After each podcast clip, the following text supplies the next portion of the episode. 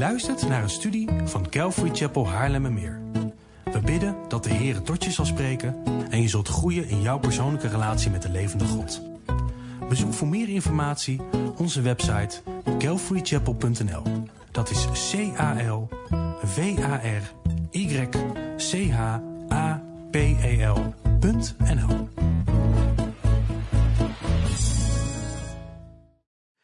Um, goedemorgen allemaal en uh, hartelijk welkom bij de eredienst van uh, de Calvary Chapel Haarlemmermeer. Uh, waar is de camera? Jullie die meekijken via de livestream ook hartelijk welkom. Voor degenen die mij niet kennen, ik ben Stan Marinissen en ik heb het voorrecht om hier in deze gezegende gemeente van God te mogen dienen. En toen men hoorde dat ik vandaag voor zou gaan, kreeg ik van een aantal van jullie de vraag: Ga je Route 66 weer oppakken?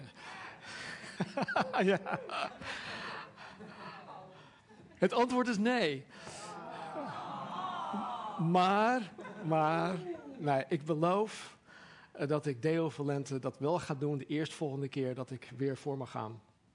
Uh, maar vandaag heb ik iets dat ik met jullie wil delen. Dat ik al geruime tijd op mijn hart heb.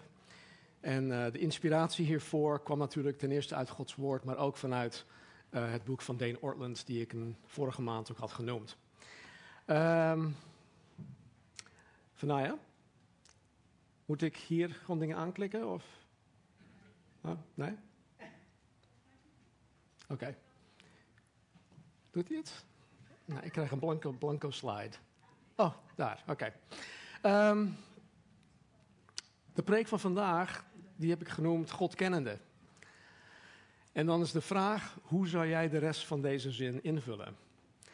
En ik kreeg net wat commentaar van iemand die zegt van, wauw, wat een uitdagende tekst. Hoe kunnen we God nou echt zo kennen? Nou, waar het om gaat is, wat weet je nou eigenlijk van de God van de Bijbel? Wat weet je nou eigenlijk van de God die, die wij hier met z'n allen beleiden als onze Heer en Meester?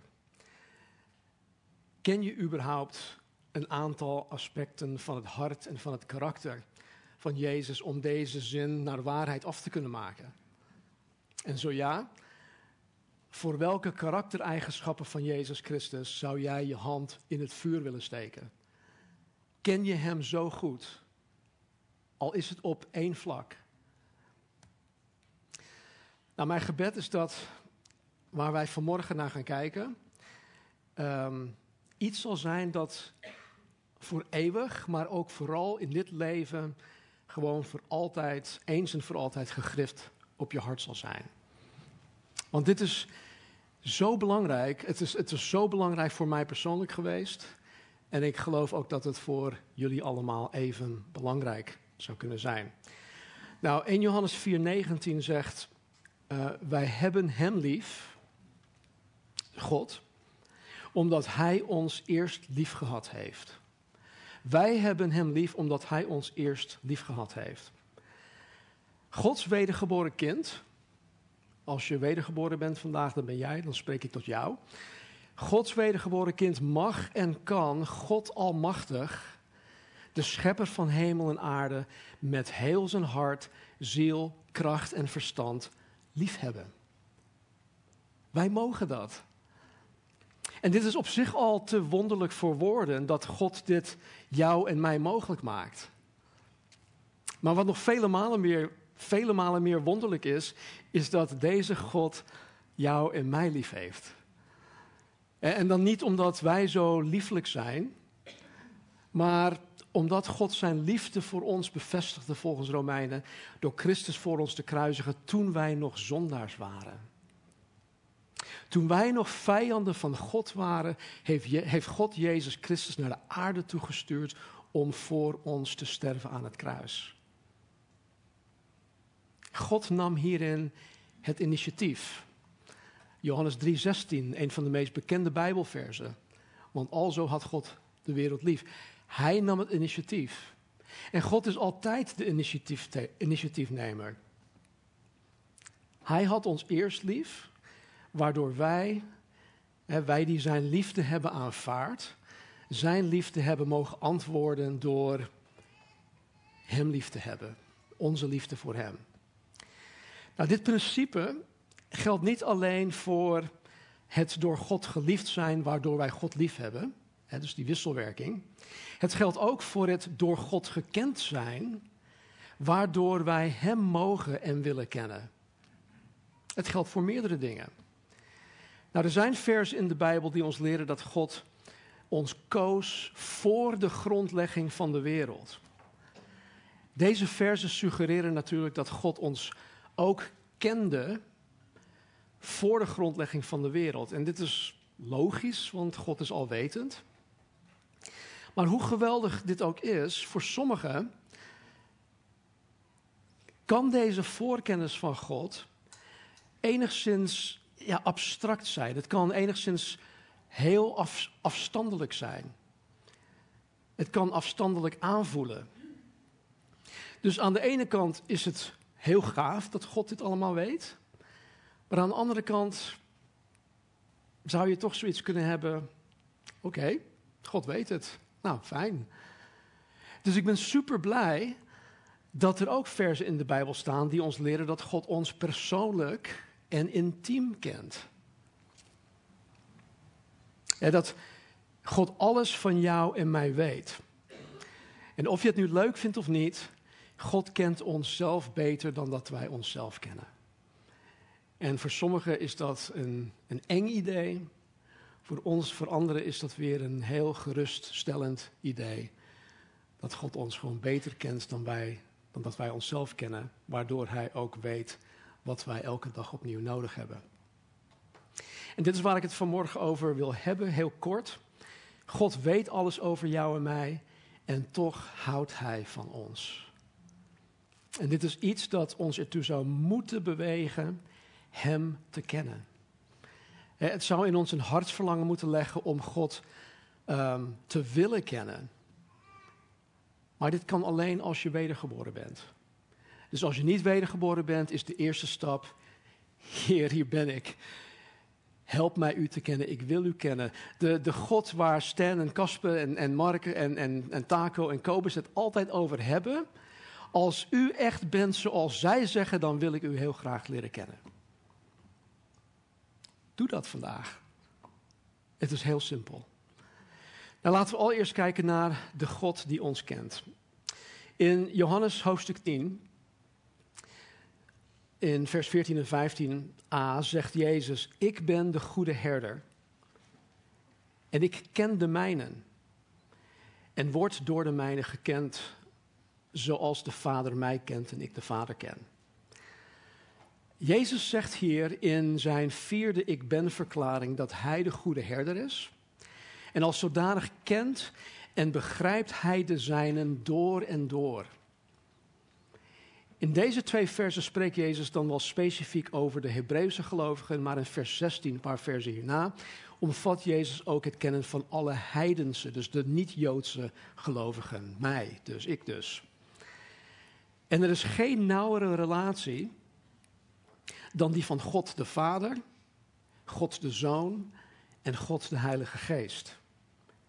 En Jezus zegt hier dat zoals God de Vader, God de Zoon kent, zo persoonlijk en zo intiem kent Jezus jou en mij, wij die wedergeboren zijn. Even verderop in hetzelfde hoofdstuk zegt Jezus: Mijn schapen horen mijn stem en ik ken ze en zij volgen mij. Jezus kent zijn schapen. En omdat hij zijn schapen kent, horen en begrijpen ze zijn stem. En ze onderscheiden en begrijpen wat Jezus tot hen spreekt. Dat is ook te wonderlijk voor woorden. En omdat deze schapen hem toebehoren, omdat Jezus hen kent, omdat ze horen en begrijpen wat hij hun vertelt, is het gevolg daarvan dat zij hem volgen. Zij volgen Jezus. Jezus' schapen volgen hem waar hij ook heen leidt. Hij is de goede herder. Of het nu naar een andere geografische locatie is, of het nu in gehoorzaamheid is in het dagelijks leven, of het nu zelfs in een vreselijke beproeving of lijdensweg is, wanneer en waar Jezus zijn schapen heen leidt, zullen ze volgen. Nog een tekst waarin we zien dat God ons kent. 2 Timotheus 2, vers 19. Paulus schrijft: Toch blijft het vaste fundament van God staan met dit zegel. De Heere kent wie van hem zijn. De Heere kent van wie hem zijn. En het feit dat God zijn eigen kinderen kent is fundamenteel voor het christelijk geloof. En dan even verderop, nee, terug, sorry. Sprekend over het, het contrast tussen het, het hier en nu en onze toekomst in de heerlijkheid, schrijft Paulus dit in 1 Korinthe 13, vers 12. Nu immers kijken wij door middel van een spiegel in een raadsel. dus we weten maar heel weinig. Maar dan zullen we zien van aangezicht tot aangezicht. Nu ken ik ten dele, maar dan zal ik kennen zoals ik zelf gekend ben. Vooruitkijkend naar uh, onze glorieuze toekomst in Jezus Christus, stelt Paulus dat wij die van Christus zijn, Hem volledig zullen kennen, net zoals wij nu al vandaag volledig door Hem gekend zijn.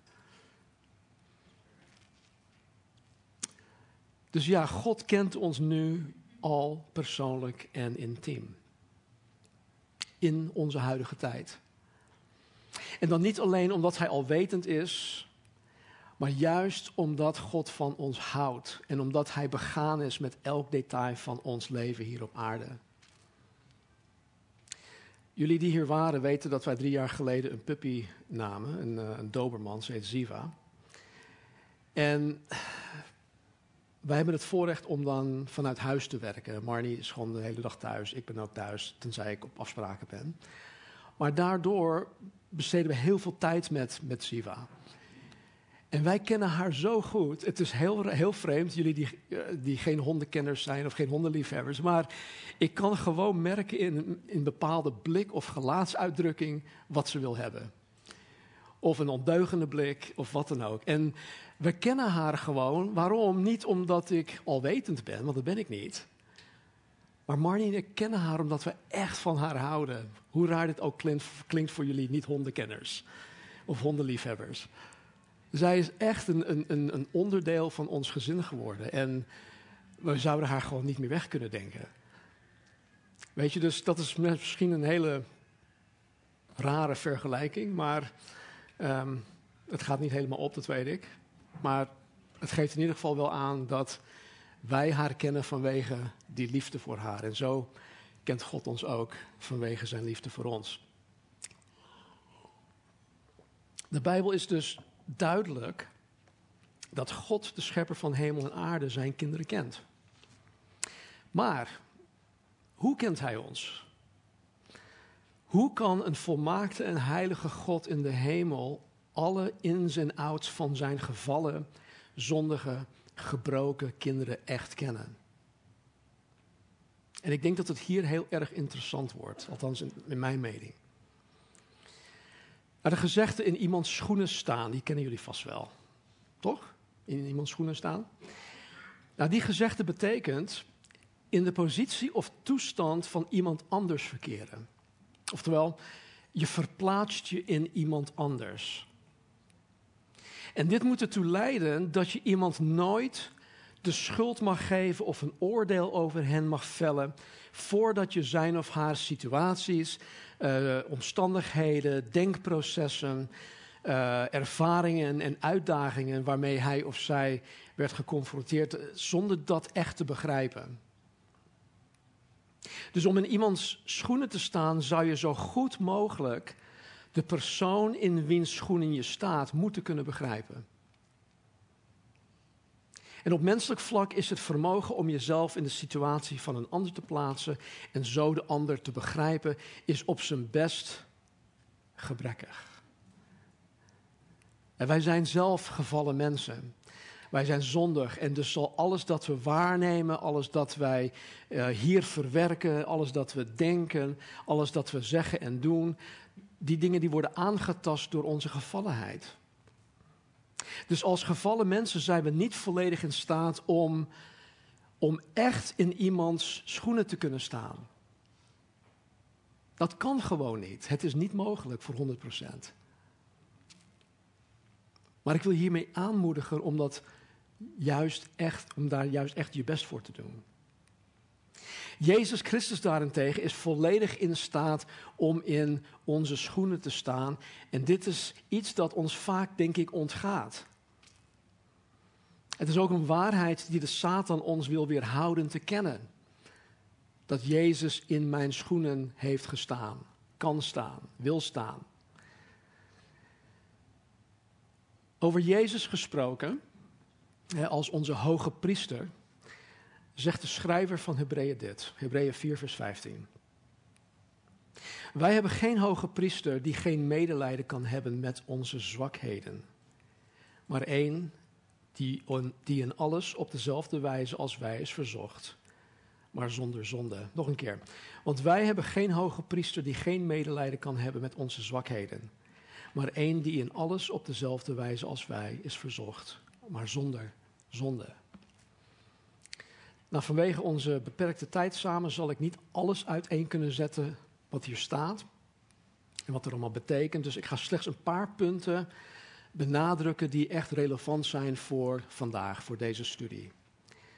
En mijn gebed is dat deze paar punten, ik ga niet veel aanhalen vandaag, maar dat deze paar punten een revolutie teweeg zal brengen in hoe je Jezus ziet en hoe je Hem kent. Volgens Hebreeën is Jezus onze perfecte, volmaakte hoge priester. Jezus was als enige in staat om in zijn incarnatie, in zijn dood, in zijn begrafenis, opstanding en hemelvaart te volbrengen wat alle andere hoge priesters in de geschiedenis van Israël niet konden. Hij is als enige die deze dingen wel kon. En slechts één van de dingen die Jezus wel kon volbrengen, en alle andere hoge priesters niet, was dat Jezus verzocht werd in alle dingen zoals wij en ook alle andere hoge priesters, maar zelf nooit had gezondigd. Hij is de enige. Jezus onderging verzoeking en verleiding net zoals wij allemaal. Want hij was volledig mens. Maar bij Jezus was er één groot verschil. En het is wel een gigantisch groot verschil. Stel dat, dat, dat jij en ik verleid worden door de wereld, door het vlees en door de Satan. De, onze drie grootste vijanden. Het wereldsysteem, mijn eigen ik en de Satan, de tegenstander. En stel dat jij en ik verleid worden op een schaal van, van 1 tot 100. 1 tot 100. En stel dat bij een verleidingsniveau van 1 zou je dat kunnen weerstaan met twee vingers in je neus. Zonder moeite. Bij een verleidingsniveau van 100 zou je de verleiding kosten wat kost niet kunnen weerstaan. Absoluut niet. Wat er ook gebeurt, wat de consequenties ook maar kunnen zijn, je geeft toe aan de verleiding. Dus niveau 100 of verleidingsniveau 100 is gewoon menselijk onweerstaanbaar. Ja, volg je dat nog? Oké. Nou, stel dat we met z'n allen hier, en jullie die meekijken, stel dat we met z'n allen de verleiding kunnen weerstaan tot verleidingsniveau 20. Daarna geven we allemaal toe aan de verleiding. Dit zou dus betekenen dat jij en ik alleen de mate en ernst van verleiding kennen tot op het niveau 20. Want omdat wij dan op niveau 21 al toegeven aan de verleiding, kennen wij dus geen mate of ernst van verleiding boven niveau 21. Daarom weten we echt niet hoe groot en hoe onweerstaanbaar de verleiding voorbij niveau 21 is. Want we hebben allemaal bij niveau 21 hebben we al toegegeven aan de verleiding. Dus dan is een sterkere of grotere verleiding niet meer nodig, toch? Wij hebben dus geen flauw idee hoe groot en hoe onweerstaanbaar verleidingsniveau 22 is. Of 51. Of 99. Geen benul. Want we zijn daar nooit gekomen. Maar Jezus gaf helemaal niet toe aan enige verleiding. Satan trok alles uit de kast om Jezus te verleiden. Hij werd ver boven wat wij aan kunnen verleid en verzocht. En toch verzette Jezus zich tegen het allerhoogste niveau van verleiding. Ik denk niet eens dat we dat op een schaal kunnen zetten. En dat betekent dat Jezus verleiding kende op niveaus die jij en ik nooit zullen begrijpen. Dus wanneer de Bijbel ons leert dat Jezus, onze hoge priester, volledig in staat is om medelijden te hebben met onze zwakheden, kunnen we er zeker van zijn dat Hij als geen ander weet waar jij en ik elke dag mee te maken hebben. Hij heeft zelfs ergere meegemaakt. Zo kent Jezus ons. Hij heeft in alle schoenen van de mensheid gestaan. En omdat Jezus de zijnen op deze zeer reële manier kent, is hij volledig in staat om medelijden met ons te hebben. Jezus voelt zich volledig solidair met de zijnen. Dankjewel, Gerry en Mark. Ik had hem gisteren gevraagd, hoe verwoord je dit nou? Nou, als we de evangeliën lezen, zien we dat Jezus altijd met innerlijke ontferming bewogen is naar zondaars. Denk aan de, de gemarginaliseerden, denk aan de zwakken, denk aan de, de zieken, de verstotenen, denk aan de gecancelden van zijn tijd.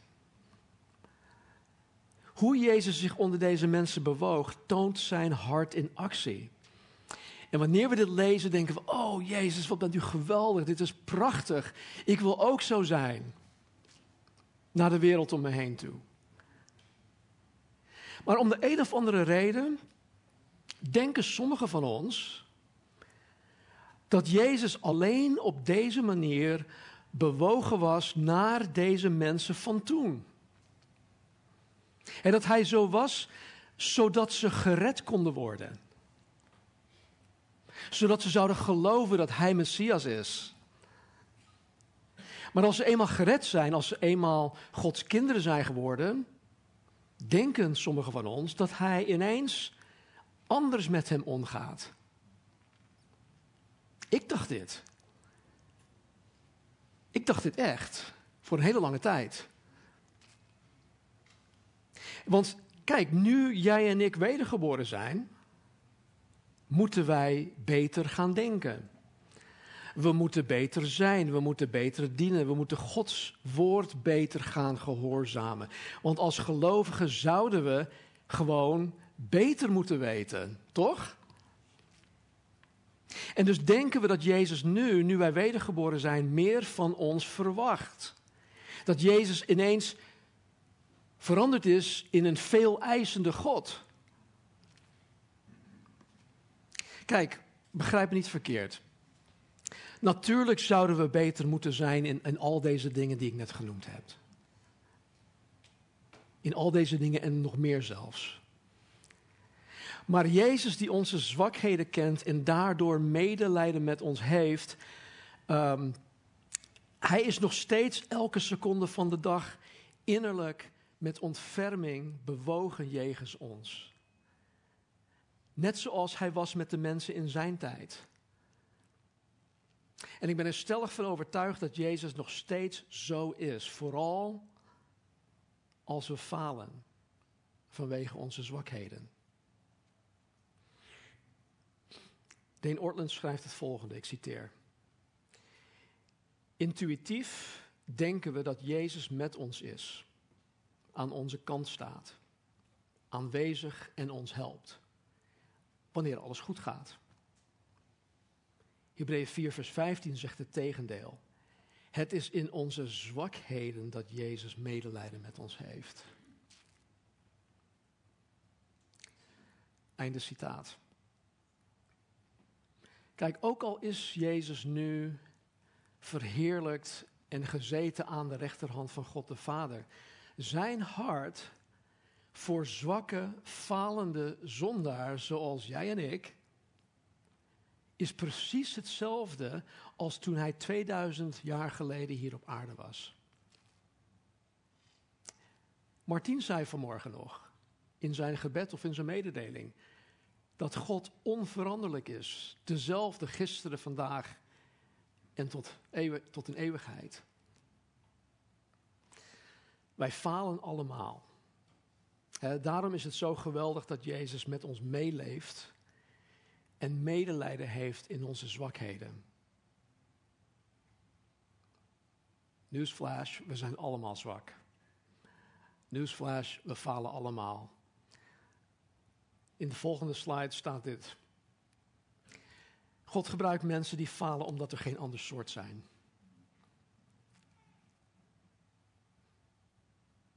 Dus denk niet dat jij de uitzondering bent. Dat je zo goed bent dat je nooit zal falen. Dan hou je jezelf alleen maar voor de gek en je legt ontzettend veel druk op jezelf. In 1 Korinthe hoofdstuk 1, vers 26 tot en met 29 schrijft Paulus het volgende. Let namelijk op uw roeping, broeders. En onder u niet veel wijzen naar het vlees, niet veel machtigen, niet veel aanzienlijken. Maar het dwaze van de wereld heeft God uitverkoren om de wijzen te beschamen. En het zwakke van de wereld heeft God uitverkoren om het sterke te beschamen. En het onaanzienlijke van de wereld en het verachten heeft God uitverkoren. En wat niets is om wat iets is te niet te doen. Opdat geen vlees voor hem zou roemen. God, die ons persoonlijk en intiem kent, wist van tevoren dat jij en ik dwaas, zwak, onaanzienlijk, veracht en niet zijn. En hiermee rekening gehouden te hebben, heeft Jezus medelijden met ons. Hij leeft met ons mee. Hij voelt zich volledig solidair met ons. En niet alleen dat, omdat hij in alle dingen zoals wij werd verzocht en verleid, kan hij zich op alle mogelijke manieren met ons verhouden. Hij zelf heeft op onze moeilijke wegen gewandeld. Hij heeft in al onze schoenen gestaan.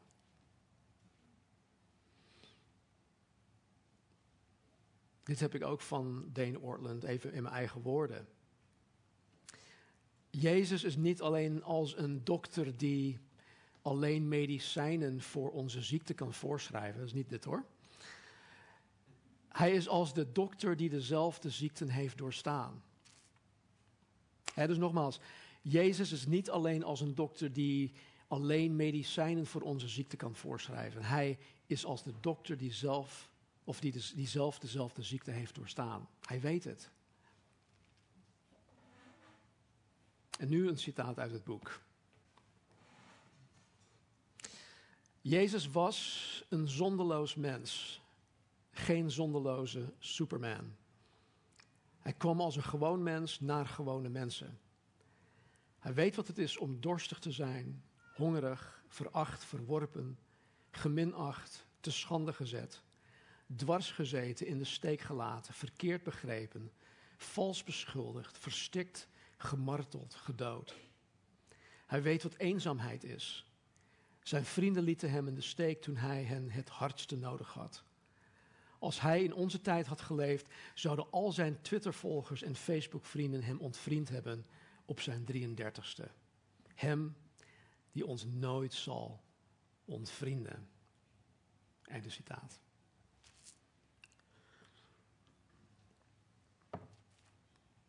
Maar hoe zit het dan met onze zonde? Jesaja 59 zegt dat onze zonden ons van God scheiden. Betekent dit dat Jezus ons in de steek laat en geen medelijden met ons kan hebben in onze diepste pijn van de schuld en de schaamte van de zonde die wij dragen? Natuurlijk niet. Onze enige hoop in tijden van pijn, in tijden van verdriet en schaamte over, ons, over onze zonde, is dat Jezus onze pijn deelt. Maar dan als de zuivere en de zondeloze. Bedenk dat Hij aan het kruis stierf voor al onze zonden. En dit geldt ook voor de zonde waarmee je vandaag worstelt. En ik weet dat wij dit allemaal theologisch weten. Maar weet je dat ook elke dag, wanneer je in de fout gaat, wanneer je faalt, wanneer je op je. Hoe zeg je dat netjes? Oh, je op je plaat gaat, ja, dankjewel. Dat is volgens mij niet netjes.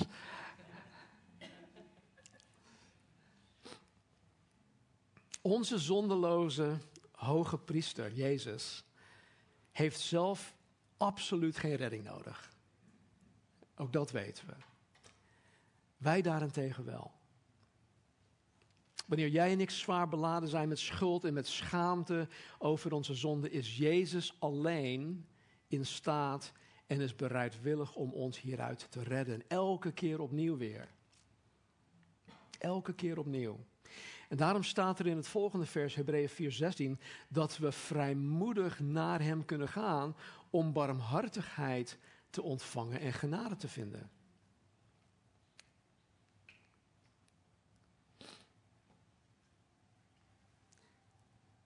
Kijk, omdat Jezus, omdat Hij zelf niet met ons vastzit in die put, in de put van de zonde, kan alleen Hij ons eruit halen. Zijn zondeloosheid is onze redding. En Jezus kan ons niet alleen redden uit de put van de zonde, hij verlangt er ook naar om met ons in die put te komen, om onze lasten, onze schuld, onze schaamte, onze pijn te dragen. Jezus heeft medelijden met ons in onze zwakheden.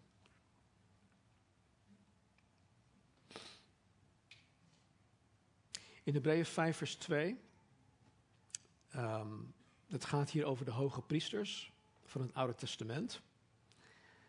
Toen ze offerden voor de zonde van de Israëlieten, hadden deze hoge priesters te maken met mensen zoals jij en ik. De Israëlieten van die tijd waren geen haartje beter. En ook waren die hoge priesters zelf zwak. Je leest met me mee. Hij kan voluit medelijden hebben. Dus eh, er wordt hier gesproken over de, de hoge priester van die tijd, van Israël. Hij kan voluit medelijden hebben met de onwetenden en dwalenden, omdat hij ook zelf met zwakheid omvangen is. Nou, Hebreeën spreekt hier over de hoge priesters van het Oude Testament als een vergelijking met Jezus, onze hoge priester. En het idee dat de hoge priesters van het Oude Testament medelijden konden hebben met de onwetenden en de dwalenden, wordt hier ook op Jezus toegepast. En als je dit vers leest, althans als ik dit lees, dan klinkt het bijna alsof de zonde van, van de onwetenden en de dwalenden op de ene of andere manier minder ernstig zijn dan um, andere zonden die we kunnen beschouwen als de echte slechte zonden. Weet je, we vergelijken onszelf altijd al te vaak horizontaal. Ik weet dat ik slecht ben, maar ik ben niet zo slecht als hij.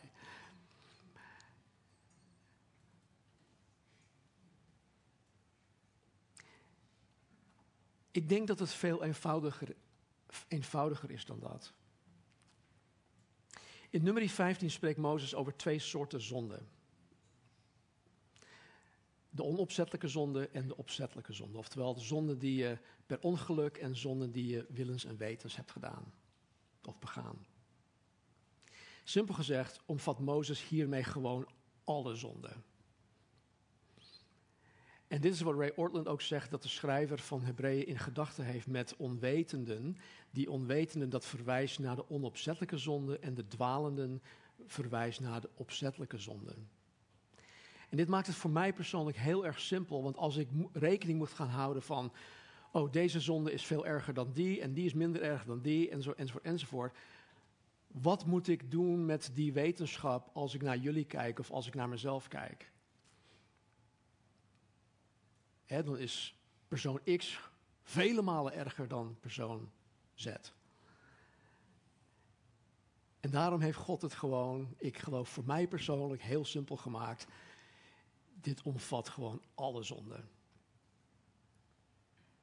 Want omdat Jezus in staat is om zachtmoedig om te gaan met de onwetenden en de dwalenden, gaat Jezus dus zachtmoedig om met alle zonden. Alle ernsgradaties van zonde, alle niveaus van zonde. En dit is wat wordt bedoeld met Jezus die voluit medelijden met ons heeft. Er is wel één voorwaarde. Jezus gaat alleen zachtmoedig om met alle zondaars die tot Hem komen. Jezus gaat alleen zachtmoedig om met zondaars die tot Hem komen. Ongeacht jouw of mijn specifieke zonde en de slechtheid van die zonde. Jezus heeft voluit medelijden met ons wanneer wij tot Hem komen. Psalm 139.1 zegt, Heere, u doorgrondt en kent mij. Heere, u doorgrondt en kent mij. Hij doorgrondt ons en kent ons persoonlijk en intiem. God kent elke gedachte, elk motief, onze goede momenten en onze slechte momenten. Hij weet alles van jou en mij, alles dat we doen, alles dat we laten. En in tegenstelling tot hoe je jezelf zou beoordelen, of hoe je anderen zou beoordelen, of hoe je door anderen zou worden beoordeeld, hè, omdat je onwetend en dwalend bent, oordeelt Jezus jou en mij niet. Hij oordeelt ons niet. Jezus werd gekruisigd, is opgestaan uit de dood en is opgevaren naar de hemel, omdat jij en ik onwetend en dwalend zijn vanwege onze zwakheden. En Jezus is op dit moment in de hemel voor jou en voor mij aan het pleiten, waarin Hij het verlossend werk dat Hij voor jou en mij heeft volbracht, toegepast. Of toepast, sorry. Hij past het toe in de hemel terwijl Hij voor ons pleit. Dus God kent jou en mij, inclusief al onze mooie momenten, inclusief al onze rotzooi, al onze mislukkingen. En de manier waarop Hij met ons omgaat is medelijdend. En als we dit van Hem weten, als wij er voor 100% zeker van zijn dat Jezus Christus op deze manier met jou en mij als onwetenden en dwalenden, als zwakken wil omgaan, dan zou je er toch alles aan doen om Hem te gaan kennen.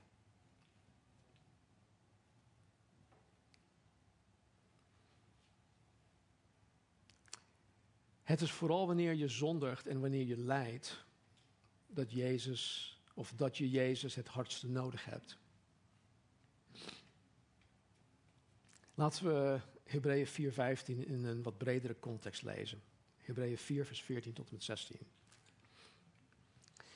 Nu wij dan een grote hoge priester hebben, die de hemelen is doorgegaan, namelijk Jezus, de Zoon van God, laten wij aan deze beleidenis vasthouden. Want we hebben geen hoge priester die geen medelijden kan hebben met onze zwakheden, maar één die in alles op dezelfde wijze als wij is verzorgd, maar zonder zonde. Laten we dan met vrijmoedigheid naderen tot de troon van de genade, opdat wij barmhartigheid verkrijgen en genade vinden om geholpen te worden op het juiste tijdstip. In jouw falen, wanneer je uitgeput bent, in je hopeloosheid, in je schuld en in je schaamte, in je wanhoop, in je zwakheid, word je door God zelf aangespoord om met vrijmoedigheid bij Gods troon van de genade te komen. Hij wijst ons niet af, juist niet in die momenten. En de reden om dat te doen is om barmhartigheid te verkrijgen en genade te vinden om geholpen te worden wanneer je die hulp juist het hardst nodig hebt. En als je dat doet, begin je de God van de Bijbel te kennen, niet als een, streng oordelende God die met zijn vinger jou op je fouten en mislukkingen wijst, maar juist een God die medelijdend, zachtmoedig en nederig is. Een God die je juist wil helpen. En want als je faalt, als je lijdt onder schuld en schaamte, als je hopeloos en wanhopig bent en je draagt die last alleen, en je haast je dus niet naar de troon der genade, zal je niet te weten komen dat God voor jou is en niet tegen jou. En wat hebben we dat keihard nodig om te weten dat God voor ons is. Als je niet naar Gods troon van de genade gaat, zal je niet ontdekken dat Hij bereid is jou te helpen in de meest wanhopige tijden. Wanneer je het het meest verslagen voelt, wanneer je door je uh, mislukkingen, zondigheid en misschien door de zonde die jou zijn aangedaan, juist baalt. Dat je, dat je gewoon niet goed voelt. Als je lijdt. Ook door tot Hem te komen, begin je met God samen te werken aan je heiliging. God verandert jou en mij naar het beeld van Christus door tot Hem te komen. En dus God kent jou, dat is een feit en het is definitief. Maar hoe je Hem leert kennen, is door naar Hem toe te gaan. Vooral wanneer dingen niet goed gaan, vooral als je geen zin hebt om naar Hem te gaan. Vooral als je het gevoel hebt dat het ook geen zin heeft om naar Hem te gaan. Als je het gevoel hebt dat je het te vaak verknald hebt. Als je het gevoel hebt dat God klaar is met je. Als je je vermoeid voelt, belast en bezwaard. En vooral ook als je het gevoel hebt dat je um, de barrières waar Casper het vorige week over had, niet kan overkomen. Dan voel je je echt ellendig. Ik weet het. En het is juist wanneer je je zo ellendig voelt dat je naar Hem toe moet komen. Want Hij nodigt je uit. Laten we afsluiten met Jezus' eigen woorden, Matthäus 11, 28 tot 30. Jezus zegt, kom naar mij toe, allen die vermoeid en belast zijn. En ik zal u rust geven. Neem mijn juk op u en leer van mij dat ik zachtmoedig ben en nederig van hart en u zult rust vinden voor uw ziel. Want mijn juk is zacht en mijn last is licht. Van alle 89 hoofdstukken, heb ik al eerder gezegd, in, het, in de vier evangeliën, is dit de enige plaats waar Jezus iets over zichzelf onthult. Over wie hij werkelijk is. En wat hij zegt is dat hij zachtmoedig en nederig van hart is. En maar de enige manier om dit niet alleen theologisch te weten, maar hier zelf ook achter te kunnen komen, is door naar Jezus te komen. Dat is echt de enige manier. Dus als je nog nooit eerder tot Jezus bent gekomen, kom dan tot Hem. Beleid, beleid Hem dat je een zwakke, onwetende en dwalende bent. En dat je keihard redding en verlossing nodig hebt. En vraag hem gewoon om zichzelf aan jou kenbaar te maken. Hij staat echt op je te wachten.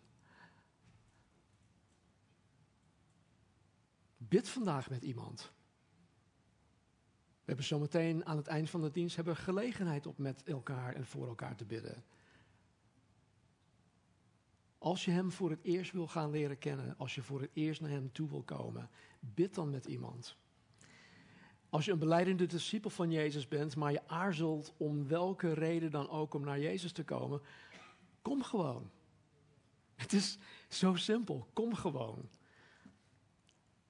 Leg je trots neer. Daar komt het vaak op aan. We zijn gewoon te trots om naar Jezus te komen. Of we zijn te trots om, om, om voor gebed te vragen. We zijn te trots om met andere mensen te delen in welke ellendigheid we zitten. Dus leg je trots neer. Hij nodigt je uit om naar hem toe te komen. Bid vandaag met iemand. Wat mij in, in, in, in een, uh, ja, die moeilijke periode van zes, zeven maanden, wat eigenlijk ook een hele mooie periode was, wat mij daar echt doorheen heeft geholpen, is het volgende: 1 Petrus 5, 6 en 7. Verneder u dan onder de krachtige hand van God, opdat Hij u op zijn tijd verhoogt. Werp al uw zorgen op Hem, want Hij zorgt voor u. Weet je, ik kan me voorstellen dat je misschien op dit moment gewoon niet weet meer, meer weet hoe je überhaupt tot, tot Jezus moet gaan komen. Gevoelsmatig is dat gewoon heel erg lastig voor je. Ik denk dat de eerste stap, en dit is niet echt uitputtend, maar dit zijn maar enkele gedachten. Ik denk dat de eerste stap is om gewoon met God te gaan praten over wat de oorzaak is van je lijden. Waar zit je mee? Breng dat naar Gods troon der genade. Stort je hart uit bij Hem. Als er sprake is van zonde, beleid die zonde aan God. Vraag Hem gewoon om je te helpen. Vraag God ook welke Bijbelversen of Bijbelboeken je moet gaan lezen en op welke je specifiek moet gaan mediteren. Vraag God om iemand die je in dit proces kan helpen. En dit kan je partner zijn als je getrouwd bent. Het kan een volwassen broer of zus zijn. Het kan je voorganger zijn. In ieder geval iemand die je degelijke bijbelse raad of counsel kan geven. Vraag God welke boeken of bronnen je nodig hebt om te lezen of te uh, beluisteren, die je kunnen helpen in je lijdensweg. En ik denk dat dit waarschijnlijk de belangrijkste is. Praat hier niet slechts één keer over met God. Besteed je tijd en energie om elke dag opnieuw met God hierover te praten. God kennende, begonnen we mee. God kennende weet ik voor 100% zeker dat als je naar Jezus toe gaat, Hij barmhartig en genadig zal zijn en dat Hij jou in jouw toestand zal helpen. Laten we bidden. Hemelse Vader, dank u wel voor uw trouw. Dank u wel voor het levende woord Jezus Christus. Dank u wel voor het geschreven woord, uw Bijbel. En dank u wel dat u ons heiligt, dat u ons hervormt door het vernieuwen van ons denken. Dat u medelijdend bent, juist in onze zwakheden. En Heer, help ons gewoon. Help ons hiermee. Ik kom met, hele, met heel veel mooie woorden tot u bidden, Heer, maar waar het uiteindelijk op neerkomt is gewoon help ons. Help ons u te zien voor wie u daadwerkelijk bent.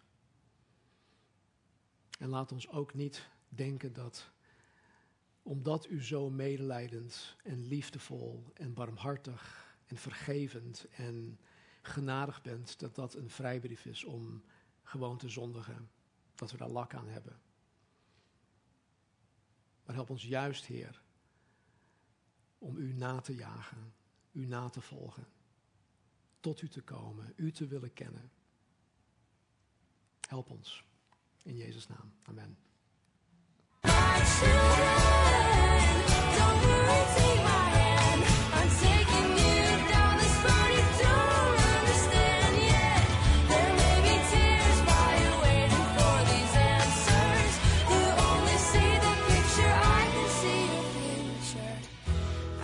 Tell you right now, it's gonna be alright.